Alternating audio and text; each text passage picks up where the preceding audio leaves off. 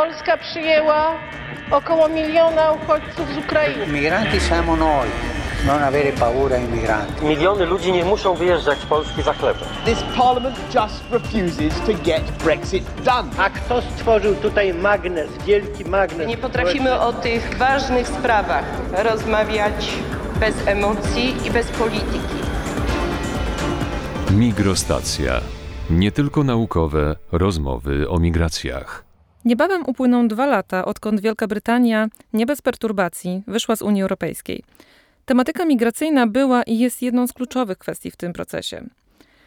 I to też będzie przedmiotem rozmowy w dzisiejszym odcinku Migrostacji, a zatem Brexit, a sprawa nie tylko polska. Ja się nazywam Kamila Fiałkowska, a w studio ze mną dziś jest dr Agnieszka Rodziwinowiczówna, socjolożka badająca migrację w Ośrodku Badań nad Migracjami na Uniwersytecie Warszawskim.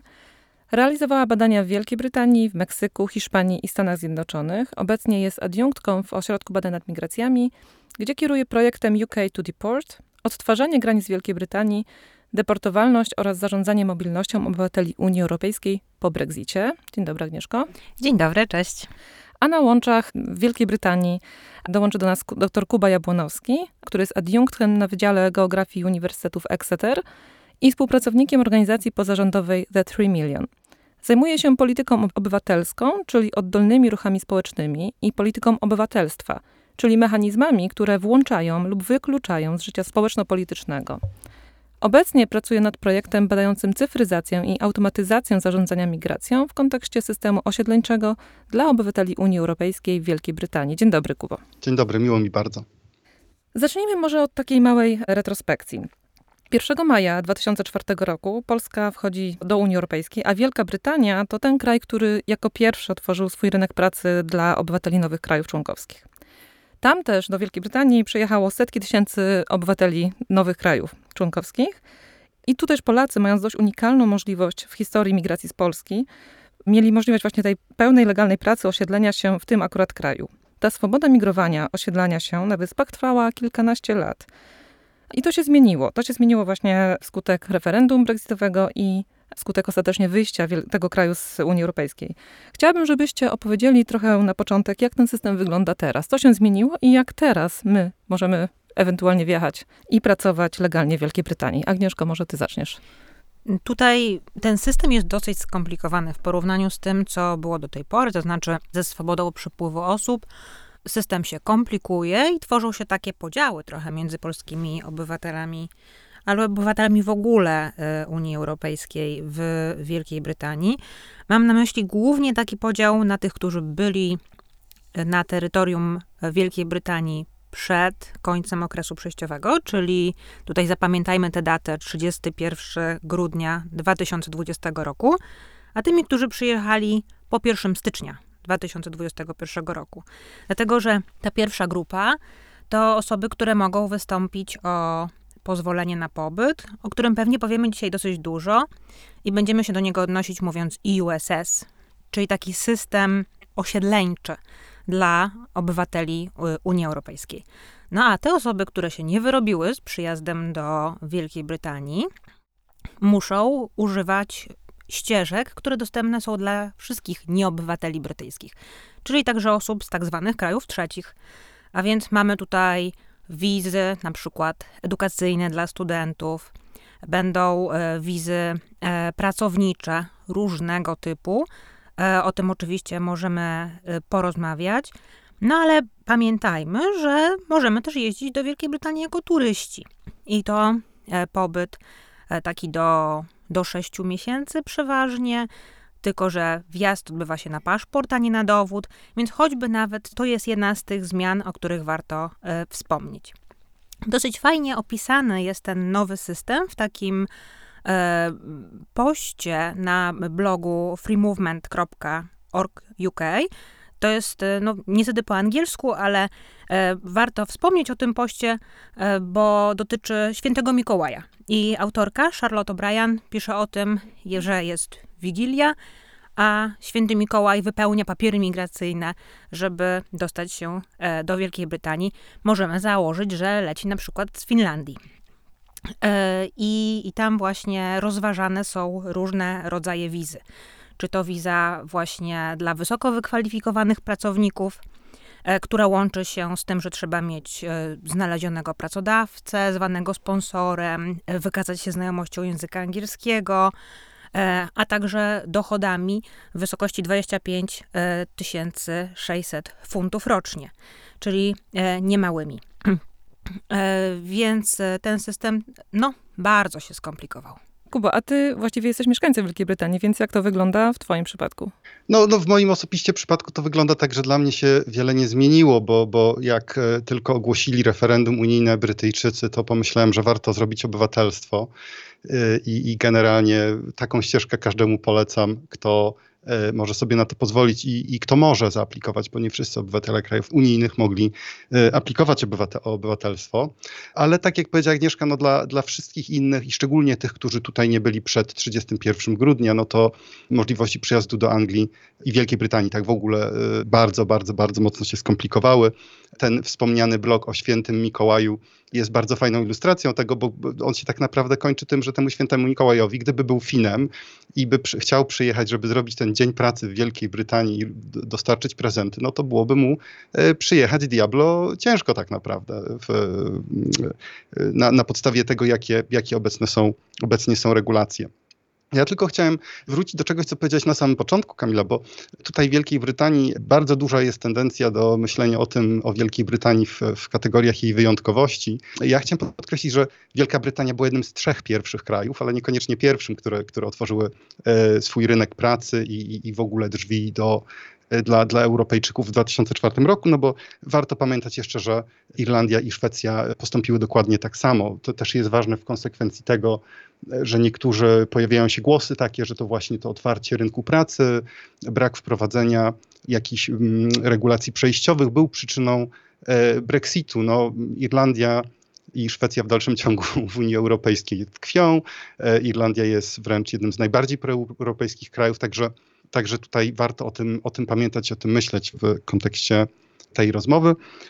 Agnieszka bardzo dużo już powiedziała o tym, ale jeszcze tylko bym powiedział o, o, o tej wizie turystycznej, bo to jest dość ciekawe, czy bezwizowym właściwie ruchu wizytorskim, jak, jak to Wielka Brytania określa, czyli tym przyjeździe na paszport na 6 miesięcy tak naprawdę ta kategoria jest, co, co to oznacza być tym wizytorem, jest dość szeroka i nawet jeśli ktoś przyjeżdża w celach edukacyjnych, może na te 6 miesięcy przyjechać bez wizy, no ale właśnie jak powiedziała Agnieszka, jeśli to jest dłużej niż 6 miesięcy, to jest główne kryterium czasowe, e, trzeba o wizę występować.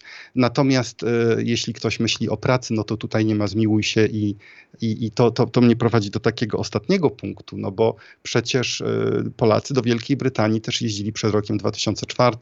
Jak się czyta pracę o tym, o tym nagłym przyjeździe Polaków, dużo badaczy zwraca uwagę na to, że no, dużo przyjechało nagle, ale, ale powiedzmy sobie szczerze, dużo już było w Wielkiej Brytanii przed, przed rozszerzeniem Unii. Więc tak naprawdę, e, zapewne jak w większości takich przypadków, gdzie wprowadzamy e, surowsze kontrole graniczne, bardziej skomplikowane systemy, to nie, nie, ludzie będą nie tylko z tych systemów korzystali, ale też będą pewnie przyjeżdżali półlegalnie, nielegalnie i, i pewnie z tym też się będziemy po Brexicie zmagać, że dużo ludzi będzie w sposób taki nieautoryzowany przyjeżdżać z Europy. Dobrze, że zwróciłeś na to uwagę, bo rzeczywiście było tak, że te setki tysięcy, które przyjechały po 2004 roku, to część z tych osób już była w Wielkiej Brytanii albo była, wyjechała i wróciła. Natomiast faktycznie był to ten moment, kiedy ten kraj stał się jednym z najbardziej popularnych kierunków docelowych migracji z Polski, tak? I Szwecja i Irlandia są uplasowane trochę niżej. Natomiast zanim do tego Brexitu doszło i zanim doszło do tej całej sytuacji, bo ja powiedziałam, że było tych kilkanaście lat względnie swobodnego przepływu osób, ale wy doskonale wiecie, że w, ty, w ciągu tego czasu działo się bardzo wiele rzeczy, które do tego Brexitu doprowadziły, które zmieniały warunki życia i funkcjonowania obywateli Unii Europejskiej w Wielkiej Brytanii. E, chciałabym, żebyście trochę teraz nam o tym opowiedzieli, jak to wyglądało z waszej perspektywy. To może ja zacznę. Myślę, że warto wprowadzić takie pojęcie jak wrogie środowisko, e, dlatego że ono nam troszkę naświetli, jak wyglądała sytuacja wielu obywateli unijnych na tle e, innych cudzoziemców w Wielkiej Brytanii. Ten termin wrogie środowisko został wprowadzony w 2012 roku przez ówczesną e, ministrę spraw wewnętrznych, e, Teresę May, która zadeklarowała, że celem no, tych nowych polityk, polityk wrogiego środowiska jest stworzenie, no właśnie, naprawdę wrogiego środowiska dla nielegalnych imigrantów. No i w praktyce wyglądało to na przykład tak, że na ulicach Wielkiej Brytanii pojawiły się wany, gdzie znajdowała się, znajdował się jasny przekaz, napis e, wyjedź do domu, jeżeli jesteś tutaj nielegalnie. Mm, no i to, był, to były jakby w założeniu polityki skierowane do, y, nie do obywateli Unii Europejskiej, którzy korzystali ze swobody przypływu osób. I jednym z głównych takich flagowych problemów związanych z polityką wrogiego środowiska była afera Windrush. Bardzo słynna na Wyspach, być może trochę mniej w Polsce, która sprowadziła się do tego, że osoby, które E, przyjeżdżały do Wielkiej Brytanii do lat 70. z krajów Commonwealthu, były ofiarami tych właśnie polityk, które uznawały ich za nielegalnych, chociaż zgodnie z prawem mieli prawo pobytu. No i to objawiało się na przykład tym, że tracili prawo do zasiłków, tracili prawo do mieszkań socjalnych. Nieco mniej niż 100 osób e, prawdopodobnie zostało deportowanych na przykład na Jamajkę. No ale dlaczego o tym mówię? Dlatego, że w Wielkiej Brytanii ta afera nabrała w 2018 roku ogromnego znaczenia. Media rozpisywały się na ten temat. Natomiast dużo mniejszą uwagę zyskały takie coraz bardziej okrutne polityki wobec obywateli Unii Europejskiej. Co mam na myśli? Na przykład to, że im też odmawiano prawa, prawa do zasiłków w sposób coraz bardziej systemowy, mm, mimo że no, korzystały z przepływu osób. Ale na przykład wykazywano, że nie pracują, wobec czego nie mają prawa e, do zasiłku, czy znowu do mieszkań e, socjalnych. W czasie moich własnych badań spotkałam osoby, którym nie tylko odmawiano prawo do zasiłków, ale i sugerowano, że powinny wyjechać i starać się o te zasiłki w Polsce, tudzież innych krajach Unii, głównie Europy Środkowo-Wschodniej. Także były namawiane do wyjazdów, a także e, przekonywane do tego, bo miały, miałby być im na przykład zasponsorowany powrót, bilet w jedną stronę. To jeden przykład coraz bardziej wrogiego środowiska wobec y, obywateli Unii. No i podkreślmy raz jeszcze, że mówię o czasach, kiedy jeszcze nawet sprzed referendum, sprzed 2016 roku, no a już zupełnie sprzed, y, sprzed 2020, kiedy ten Brexit nastąpił. Ale Wielka Brytania też wyprodukowała nowych nielegalnych Europejczyków i tutaj oczywiście to w, w cudzysłów, ale mówiąc o tych nowych nielegalnych, mam osoby bezdomne e, pochodzące z Unii Europejskiej. Bardzo wielu z nich to obywatele Polski czy Rumunii. Mianowicie między 2010 a 2017 rokiem wprowadzono takie polityki, które doprowadziły do deportacji osób mieszkających na ulicy. I w 2016 te polityki stały się już zupełnie zinstytucjonalizowane, objęły cały kraj i Wielka Brytania jako jedyny kraj Unii Europejskiej zaczęła uważać bezdomność, spanie na ulicy, mówiąc najbardziej konkretnie, za nadużycie praw traktatowych. Więc y, około 700 tysiąca osób zostało deportowanych, często uprzednio trafiało do detencji, czyli tych aresztów e, migracyjnych i zostało po prostu wywiezionych do Polski z zakazem ponownego wjazdu do Polski czy do Rumunii, do Bułgarii z zakazem ponownego wjazdu na terytorium Wielkiej Brytanii. Więc to kilka takich przykładów, jak e, właśnie to wrogie środowisko e, zaczęło obejmować obywateli Unii Europejskiej jeszcze przed Brexitem. To też było dla nich o tyle trudniejsze, że Wielka Brytania nie należy do państw strefy Schengen, więc tym bardziej było im trudno ewentualnie powrócić, zwłaszcza jeżeli mieli tam na przykład rodziny na miejscu. A z takich, bo to jest chyba najbardziej drastyczny przykład, jaki można powiedzieć, a, a jeszcze są dodatkowo inne kwestie, o których e, wiem, że Kuba e, mógłby nam wspomnieć, na przykład w dostępie do uzyskania stałego statusu. Jaka była ewolucja tego dostępu na przestrzeni kilku lat? No dokładnie, to jest taki bardzo, bo, bo warto pamiętać tak naprawdę o dwóch rzeczach, że z jednej strony było właśnie to zacieśnianie zasad, że tak powiem, zewnątrz, to o czym mówi Agnieszka, czyli odcinanie po kolei kolejnych grup, którym się y, należy prawo przyjazdu czy pobytu, typu osoby bezdomne, typu osoby, które y, popełniły wykroczenia kryminalne. To też jest na przykład bardzo, bardzo ciekawy proces, gdzie widzimy od 2010 roku, gdzie to się zaczęło, no bo proces został nazwany w 2012, ale on się w sumie zaczął krótko po tym, jak Partia Konserwatywna i Partia Liberalnych Demokratów przejęły rządy w Wielkiej Brytanii. Theresa May, późniejsza premier, premierka Wielkiej Brytanii została, objęła resort spraw wewnętrznych.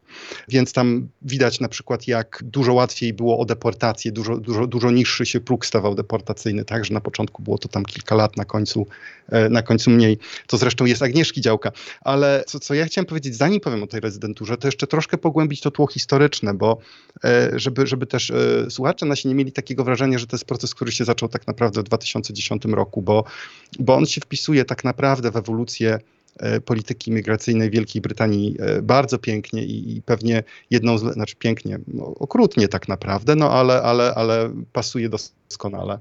Bardzo konsekwentnie, tak. I pewnie jedną z lepszych książek, które to śledzą, to jest e, taka książka My i oni, e, Bridget Anderson.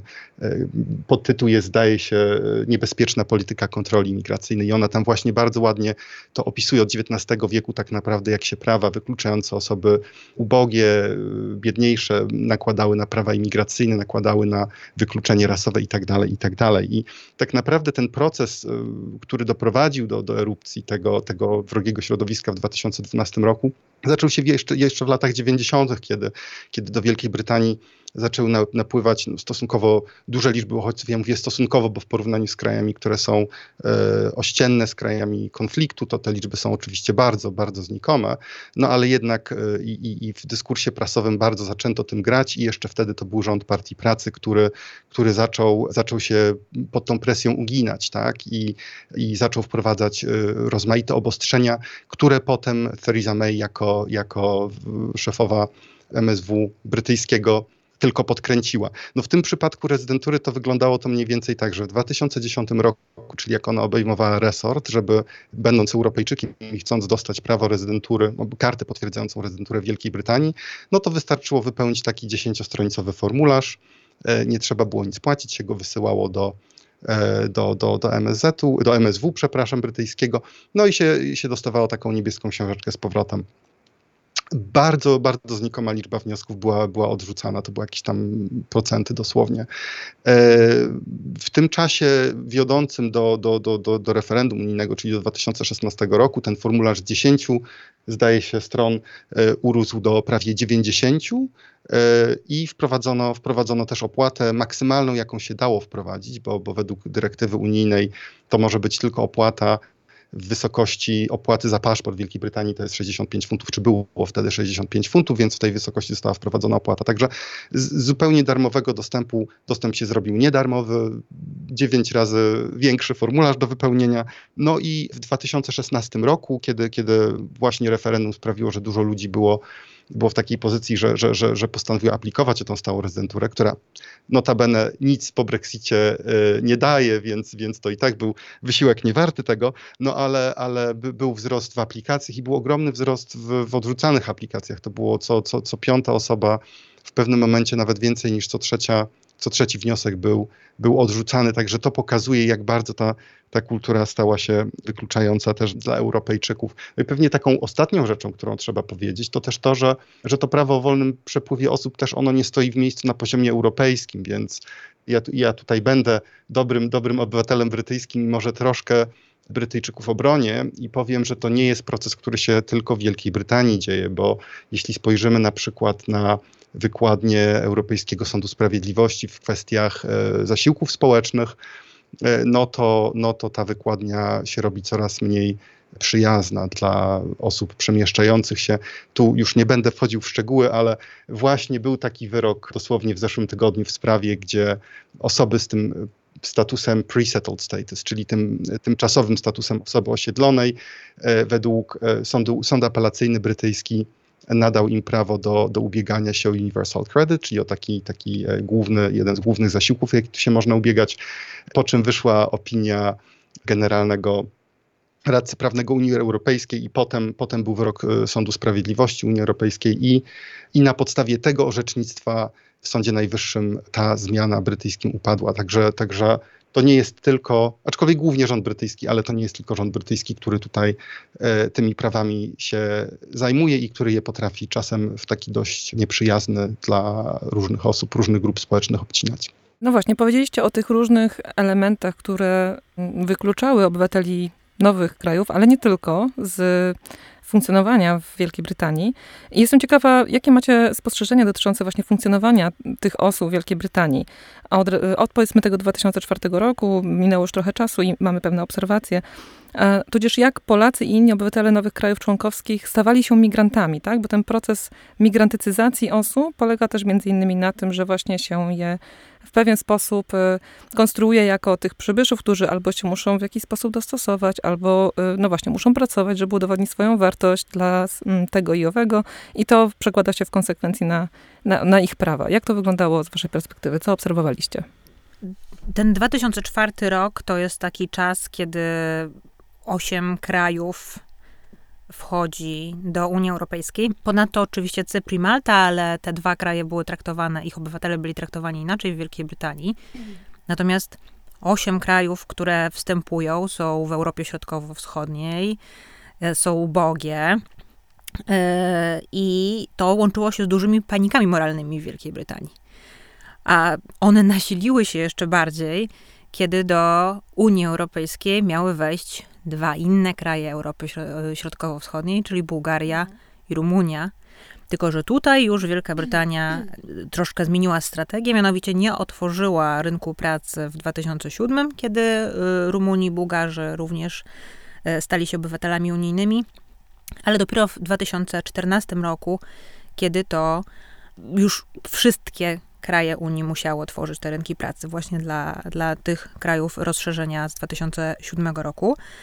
A więc paniki moralne wiązały się z tym, że mm, w, prasie opisywano, e, zwłaszcza przed wstąpieniem mm, Rumunii i Bułgarii, opisywano w sposób taki bardzo dehumanizujący zachowania tych właśnie, tych właśnie obywateli Rumunii czy, czy Bułgarii. Ale y, tutaj chciałabym wprowadzić y, takie rozróżnienie troszeczkę na y, obywateli starej Unii i nowej Unii, bo to jest moim zdaniem kluczowe, jak byli oni i cały czas są postrzegani w mediach, w takim dyskursie politycznym. Mianowicie mówimy w badaniach nad migracjami o selektywności migracji, że nie każdy człowiek migruje i nie każdy człowiek jest zdolny do tego, żeby migrować. Tylko, że trochę inaczej wygląda ta selektywność migracji w przypadku zamożnych krajów starej Unii, a inaczej w przypadku krajów nowej Unii Europejskiej. Więc Polacy czy Rumuni nie migrowali jako mm, jednostki, ale często całymi rodzinami. Tudzież była to migracja łańcuchowa, kiedy jedna osoba wyjeżdżała jako taki pionier, a następnie ściągała swoją rodzinę, e, czy, czy też dalszych krewnych. Więc tutaj oczywiście mamy do czynienia z zupełnie innym profilem migranta, mm, który no inaczej też e, został sproblematyzowany przez Wielką Brytanię i nie jest takim kosmopolitą, który e, w e, poczuciu Brytyjczyków zasługuje na swobodę przypływu osób, ale raczej stanowi zagrożenie, na przykład jako starający się o zasiłki. No właśnie, bo to była jedna z kluczowych kwestii, która dotyczyła tego wizerunku Europejczyków, bo kim właściwie jest e, taki modelowy Europejczyk, który podlega swobodzie przepływu osób, tak? Ten z Europy Wschodniej wygląda zgoła inaczej niż ktoś z na przykład z Niemiec, prawda? I wiem, że też macie na pewno na ten temat wiele obserwacji, ale mam takie wrażenie, że nadal ta, ten podział jest istotny, tak jak Agnieszka wspomniałaś. No, na pewno, na pewno, na pewno tak jest e, w dyskursie publicznym, prawda? Bo pewnie, pewnie najlepszą ilustracją ilustracją tego jest taka wypowiedź Nigela Farage'a, który, który tutaj był szefem najpierw tej partii e, niepodległości Zjednoczonego Królestwa, która już nie istnieje, potem e, partii Brexitu, która też już nie istnieje, bo, bo te partie generalnie e, robią bałagan i odchodzą, zamiast, zamiast zostać, i po, żeby, żeby, żeby ten bałagan posprzątać niestety. Tak to wygląda w praktyce. No ale on, o czym się nie mówiło za dużo, on w czasie, kiedy te jakby kampanie za wyjściem Wielkiej Brytanii z Unii się e, odbywały, to był żonaty z, Niemką, z obywatelką Niemiec, która się w Niemczech, w Niemczech urodziła. Zresztą od niej też już odszedł, no, zewsząd odchodzi, ale to tam pomijam. Kiedyś e, na konferencji prasowej ktoś mu zadał o to pytanie, i bo on powiedział, że to nie jest rasizm, żeby powiedzieć, że nie chce się mieszkać koło Europejczyka, jakby być sąsiadem z Europejczykiem. Czy to było w kontekście właśnie Rumunów, o których mówi Agnieszka, i, i to specyficznie właśnie byli rasizm przeciwko Rumunom, odegrał tutaj taką bardzo, bardzo dużą rolę. No i go zapytano o to. Dziennikarz powiedział, no ale mieszka pan pod jednym dachem z Niemką, czy mniej więcej coś w tym stylu jaka jest różnica. I wtedy Nigel Farage odpowiedział, każdy wie, jaka jest różnica. I to, to chyba był jeden z takich momentów, kiedy, jak to tutaj e, mówimy, w Wielkiej Brytanii maska opadła, tak? I pokazało się, o co chodzi rzeczywiście. Czy chodzi o wolny przepływ osób, czy chodzi o e, jednak ksenofobię i rasizm przeciwko pewnym grupom narodowościowym.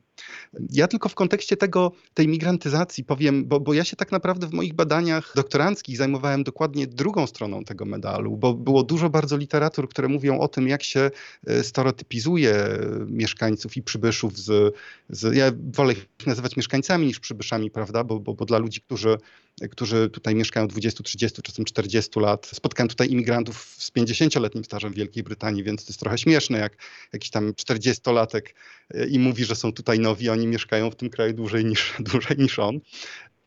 Więc ja robiłem badania nad e, podmiotowością polityczną tych, tych grup społecznych. To jest bardzo, bardzo ciekawe, bo e, na przykład aktywizm e, Polaków i w ogóle przybyszów z, z Europy Środkowo-Wschodniej w zupełnie inny sposób się jakby przejawiał tutaj niż, niż tej właśnie nowej Unii. Tu było widać różnicę, że były wręcz polskie gałęzie związków zawodowych, na przykład jeden z dużych, jeden z największych związków brytyjskich, GMB, miał całą polską gałąź Southampton.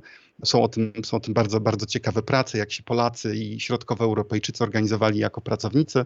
Zresztą nie tylko Polacy i środkowoeuropejczycy, bo w jednym z moich wywiadów na przykład padła historia o wiosce w Cornwalli, gdzie Polacy z Portugalczykami, którzy tam pracowali w jakimś tam przemyśle e, rolniczym, posługiwali się nawzajem po portugalsku i po polsku, nie mówili nawet po angielsku. Więc tam różne się takie hybrydowe tożsamości tworzyły. Natomiast bardzo ciekawym momentem tutaj jest moment właśnie referendum, bo Europejczycy się nie, mobilizo- nie mobilizowali, nie organizowali jako Europejczycy do samego momentu, kiedy w telewizji podano wyniki. I jak ja się, to był akurat czas mojej pracy terenowej, jak ja się pytałem ludzi, dlaczego oni się nie organizują, to oni właśnie mówili, że no, oni się nie czują Europejczykami, tylko może bardziej tam Hiszpanami, albo komunistami, albo w jakim tam ich kontekście widziałem w takim ich ciałem i, i właśnie to były e, te linie, te linie, po których ludzie się organizowali. Natomiast to uległo bardzo drastycznej zmianie praktycznie z dnia na dzień, gdzie gdzie od referendum zaczęły właśnie wyrastać kampanie takie jak The Three którą wtedy właśnie napotkałem w czasie tych badań, z którą współpracuję, e, robiąc swoje badania do dziś, gdzie mm, właśnie organizacja była wokół praw Europejczyków. I, i to był taki moment, kiedy Europejczycy, niektórzy przynajmniej właśnie powiedzieli takim donośnym głosem, że, że nie, my tutaj nie będziemy stereotypizowani, my będziemy uczestniczyć w procesie politycznym właśnie jako zorganizowana kampania społeczna, no ale żeby zapiąć i wrócić, e, spiąć to jakoś i wrócić do tego, co mówiła Agnieszka, no jednak tej kampanii prawie wszyscy byli Francuzami albo Niemcami. Ja byłem takim e, troszkę kuriozum z Europy Środkowo-Wschodniej. Od tego czasu to się trochę zmieniło, ale, ale jednak e, jest wyraźna różnica w tym, jak ludzie widzą swoją podmiotowość polityczną tutaj, e, zależnie od tego, skąd przyjechali i jak bardzo nowy ich kraj był w Unii Europejskiej, kiedy przyjechali.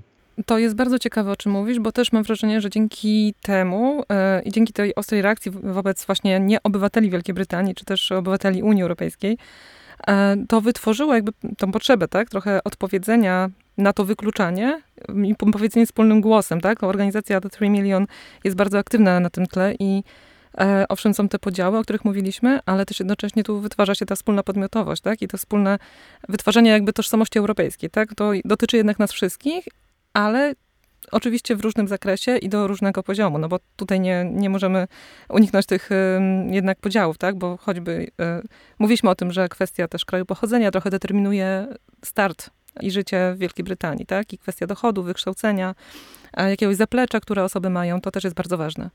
No niezwykle. To w ogóle ta historia, którą e, zresztą e, to badanie, część, część z niego przynajmniej wychodzi w przyszłym roku w podręczniku zmiany społecznej, a Routledge e, polecam we wszystkich dobrych księgarniach do kupienia będzie w przyszłym roku. Tam, tam, tam to staram się opisywać. Jest, co, co jest ciekawe, to to jest właśnie prze, przecięcie tak naprawdę wielu rzeczy, bo tą organizację najłatwiej byłoby zakwalifikować na początku jako organizację francuską z lekkim zaciągiem niemieckim, ale tak naprawdę to też jest organizacja, która była stworzona przez osoby z takiej solidnej klasy średniej, z dużym kapitałem kulturowym. Tam na, na, na spotkaniach pierwszych organizacyjnych pewnie było więcej osób z doktoratem niż bez. Także i oczywiście były to też osoby białe, bo to też trzeba powiedzieć, że przecież Europejczycy są e, tak naprawdę różnorodni rasowo tak samo, jeśli nie bardziej niż, niż społeczność Wielkiej Brytanii, ale w grupach takich e, jak 3 miliony niestety w dalszym ciągu jeszcze tego, tego nie widać. To jest coś, co, co, co jako grupa 3 miliony dość aktywnie próbują zmienić, ale nie ma się co oszukiwać, że jakby ta podmiotowość polityczna nie jest kształtowana przez te wszystkie intersekcjonalne czynniki. Jak już mówiłem o intersekcjonalności, to może jeszcze powiem tylko, że to jest problem, e, o którym w tej chwili Y, jedna osoba pisze, pisze właśnie doktorat w Bristolu, zobaczymy, co jej z badań wyjdzie, że te ruchy też są bardzo silnie feministyczne, znaczy nie, nie feministyczne, właściwie tylko kobiece, że większość organizatorek to tak naprawdę były kobiety. I tak naprawdę podobnie to dość wyglądało, jak ja to badałem w ruchu związkowym, gdzie było bardzo dużo kobiet organizatorek. Więc to jest taka jedna rzecz, która zaskakuje i cieszy w morzu rzeczy, które nie zaskakują i są dość oczywiste, czyli właśnie te podziały na stare, nowe Koreje Unii, podziału, podziałów klasowych, podziałów e, wytyczonych wykształceniem, e, statusem społecznym itd. Tak itd. To jest też bardzo ciekawa kwestia, te właśnie kwestie płciowe, ale też kwestie dotyczące przykład wieku migrantów, tak? Wieku, wieku obywateli pozostałych krajów, którzy mieszkają w Wielkiej Brytanii i w jaki sposób teraz oni e, są dotknięci tymi nowymi regulacjami. Bo chciałam chwilę e, też porozmawiać o tym właśnie, jaki jest dostęp do statusu osoby osiedlonej, czy tego tymczasowego statusu, jakie są z tym problemy i właśnie kogo one dotykają, tak? Jakich kategorii osób najczęściej. E, jeśli moglibyście trochę o tym opowiedzieć naszym słuchaczom. Mhm. Ja myślę, że po pierwsze przypomnijmy tutaj z początku naszej dzisiejszej rozmowy, że mówimy teraz o tym statusie osoby osiedlonej, tudzież tymczasowym statusie osoby osiedlonej i tutaj to jest e, ten system osiedleńczy, który możemy też określać e, jako IUSS, dla osób, które zamieszkiwały w Unii już jeszcze przed końcem okresu przejściowego, tak? czyli końcem 2020 roku. I mm, tutaj mm, e, to jest system, który, e, do, do którego stworzenia zobowiązała się Wielka Brytania w umowie dotyczącej wyjścia z Unii Europejskiej i on miał być prosty, dostępny. No i działając właśnie w tej dobrej wierze, załóżmy, Wielka Brytania utworzyła system polegający przede wszystkim na nowoczesnych technologiach który polega na tym, że w pierwszej części sprawdza, sprawdzana jest tożsamość e, aplikanta, tej osoby, która wnioskuje przy pomocy telefonu komórkowego albo urządzenia mobilnego z mm, dostępem do technologii, która może zeskanować chip w paszporcie. To jest pierwsza część. Mm, w ramach tej pierwszej części także wykonywane jest zdjęcie, skan twarzy, a druga część to y, już na komputerze online albo na tablecie wprowadza się dane i, i składa się wniosek.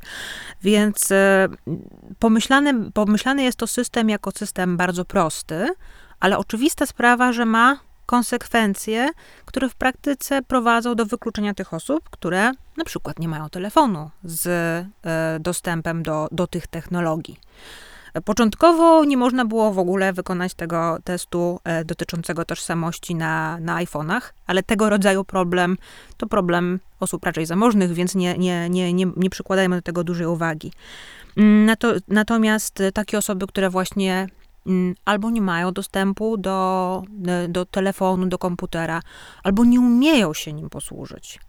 Czyli z jednej strony możemy powiedzieć, że ten system wyklucza osoby, które są uboższe, ale też ten system wyklucza osoby, które mają, e, które są w pewien sposób wykluczone cyfrowo, ze względu na wiek albo ze względu na pewne ograniczenia e, intelektualne. Więc jeśli mowa o wieku, to też e, grupą dosyć mm, wykluczoną są na przykład dzieci. I mam tutaj na myśli dzieci, które znajdują się, powiedzmy, na przykład w opiece zastępczej. Mm, ich opiekunowie nie wiedzieli w ogóle przez długi czas, że należy taki wniosek złożyć. Albo nie dopełnili tego obowiązku, mimo że wiedzieli. Więc, e, więc e, właśnie dzieci w opiece zastępczej również uważane są za, taka, za taką grupę, która prawdopodobnie nie, e, nie w pełni została objęta tym systemem, mimo że termin na złożenie wniosku upłynął 30 czerwca 2021 roku, czyli już prawie pół roku temu.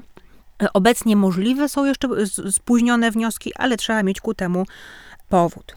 Mówiliśmy o kobietach, które reprezentowane są w ruchach mm, zorganizowanych obywateli unijnych, ale, ale kobiety też, y, to, to jest moim zdaniem bardzo ważne, bo kobiety też są jedną z tych społeczności właśnie potencjalnie wykluczonych. Dlaczego? Dlatego, że żeby mm, otrzymać status osoby osiedlonej, czyli ten taki bardziej stabilny, bo dający prawo stałego pobytu, należy wyko- wy- wykazać pięcioletni pobyt w Wielkiej Brytanii. No a nie zawsze jest to możliwe w przypadku osób, które na przykład przyjechały do Wielkiej Brytanii, żeby opiekować się członkami rodzin, nie miały zamiaru podejmować pracy zarobkowej. Ten pobyt jak najbardziej był zgodny z, z prawem, prawem unijnym ale y, niekoniecznie mają dokumenty, które y, udowadniają, że ten pięcioletni pobyt miał miejsce, prawda? Więc, więc tutaj częściej kobiety niż mężczyźni spotykają się z tego rodzaju problemami. Chciałam jeszcze dopytać o postawę krajów pochodzenia wobec zgłaszanych potencjalnych problemów właśnie obywateli Unii Europejskiej, krajów Unii Europejskiej i na przykład wobec deportacji, których liczba chyba wzrosła po referendum brexitowym. Tak, jeśli chodzi o, o, o, deportację obywateli Unii Europejskiej, no to błędem jest zakładać, że korzystaliśmy z przepływu osób, wobec tego nikogo nie dało się deportować. Tak jak już wspomnieliśmy, tutaj były osoby bezdomne, które, które były deportowane y, no, przede wszystkim po 2016 roku. I ten szczyt deportacji przypada na 2018 rok, e, kiedy to e, też więcej później zaczyna się mówić o aferze Windrush, o której wspomniałam wcześniej. No ale te deportacje mm, to osoby bezdomne, ale też osoby, które jakiś sposób otarły się o wymiar sprawiedliwości. No i mm, tutaj z, z, moich badań wynika, że Polacy, Litwini oraz Rumuni są zdecydowanie nadreprezentowani wśród osób deportowanych. I to często osoby właśnie, które, y, mm, tak jak mówię, otarły się o wymiar sprawiedliwości, trafiły do brytyjskiego więzienia, ale to niekoniecznie osoby o długich wyrokach dlatego że obecnie nie ma limitu dotyczącego wyroku, typu 5 lat w więzieniu, mhm. automatycznie będziemy cię deportować. Nie, nie. Nie ma tego minimalnego czasu, który należałoby y, spędzić za kratkami. Wobec czego wszyscy tak naprawdę mogą być y, mm, rozpatrzeni do deportacji.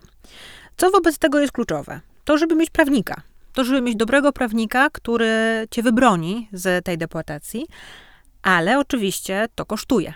E, wobec czego właśnie ta nadreprezentacja osób, które są z Europy Środkowo-Wschodniej wśród osób deportowanych. No i jak reagują e, kraje pochodzenia?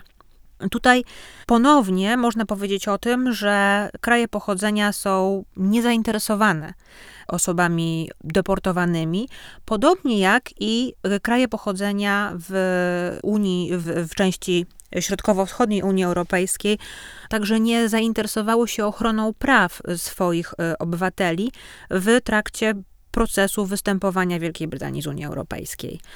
Co mam na myśli, podając konkretne przykłady? Zarówno w Polsce, jak i w Rumunii, dyskurs medialny stygmatyzował te osoby, które były deportowane, które były uważane właśnie za przestępców, potencjalnie osoby niebezpieczne po, po przywiezieniu do kraju pochodzenia w rezultacie deportacji właśnie. A jeżeli chodzi właśnie o na przykład media, które, których, media polskie, których odbiorcami są po części Polacy mieszkający w Wielkiej Brytanii, jaka była ich rola w na przykład podnoszeniu świadomości na temat tego, z czym się wiąże mm, ta zmiana, którą Brexit wprowadza? Czy zauważyłaś też y, może jakieś działania na tym, na tym polu ze strony polskich mediów? To bardzo dobre pytanie, dlatego że media mogły odegrać dużo, dużo większą rolę e, niż e, rzeczywiście się stało. No i oczywiście Polacy w Wielkiej Brytanii konsumują polskie media. Mają na przykład satelitę Polsatu. Więc polskie media Polsce powinny były e, więcej na ten temat mówić, zarówno w serwisach informacyjnych, ale i polskie władze mogły wykupić na przykład sloty reklamowe dotyczące tego właśnie USS, żeby zapewnić dostateczną liczbę wniosków składanych przez, e, przez Polaków przed tym deadline'em 30 czerwca 2020, a tak wcale się nie stało. Polska, polska ambasada też w niedostateczny sposób informowała na ten temat. Innym rodzajem informacji, czy też informowania byłoby to, żeby polscy pogranicznicy w czasie, kiedy ludzie przylatują z Wielkiej Brytanii, informowali, tudzież dawali ulotki e, na temat Brexitu i na temat praktycznych konsekwencji dla obywateli polskich mhm. mieszkających na stałe w Wielkiej Brytanii, aby umożliwić im pozostanie i korzystanie z praw, które mieliśmy do końca okresu przejściowego. Tak się jednak nie stało, więc tutaj moim zdaniem była to taka praca domowa, której polskie władze, ale i polskie media nie odrobiły.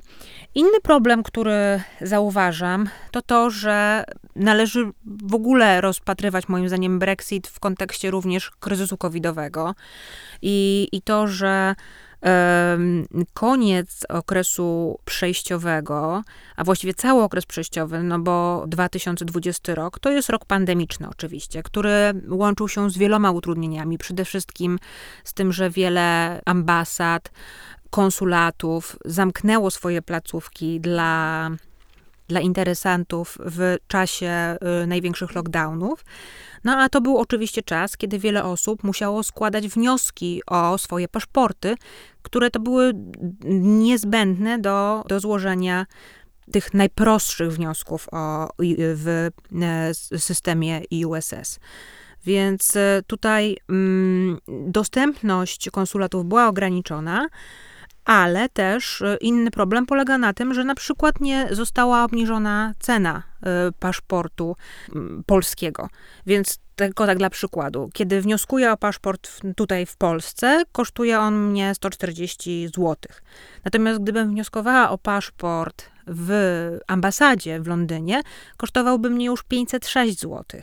Więc no to są duże pieniądze, a należy też wziąć pod uwagę, że wielu Polaków w sposób bardzo nieprzyjemny odczuło COVID, tracąc pracę, tudzież mając zmniejszony wymiar pracy.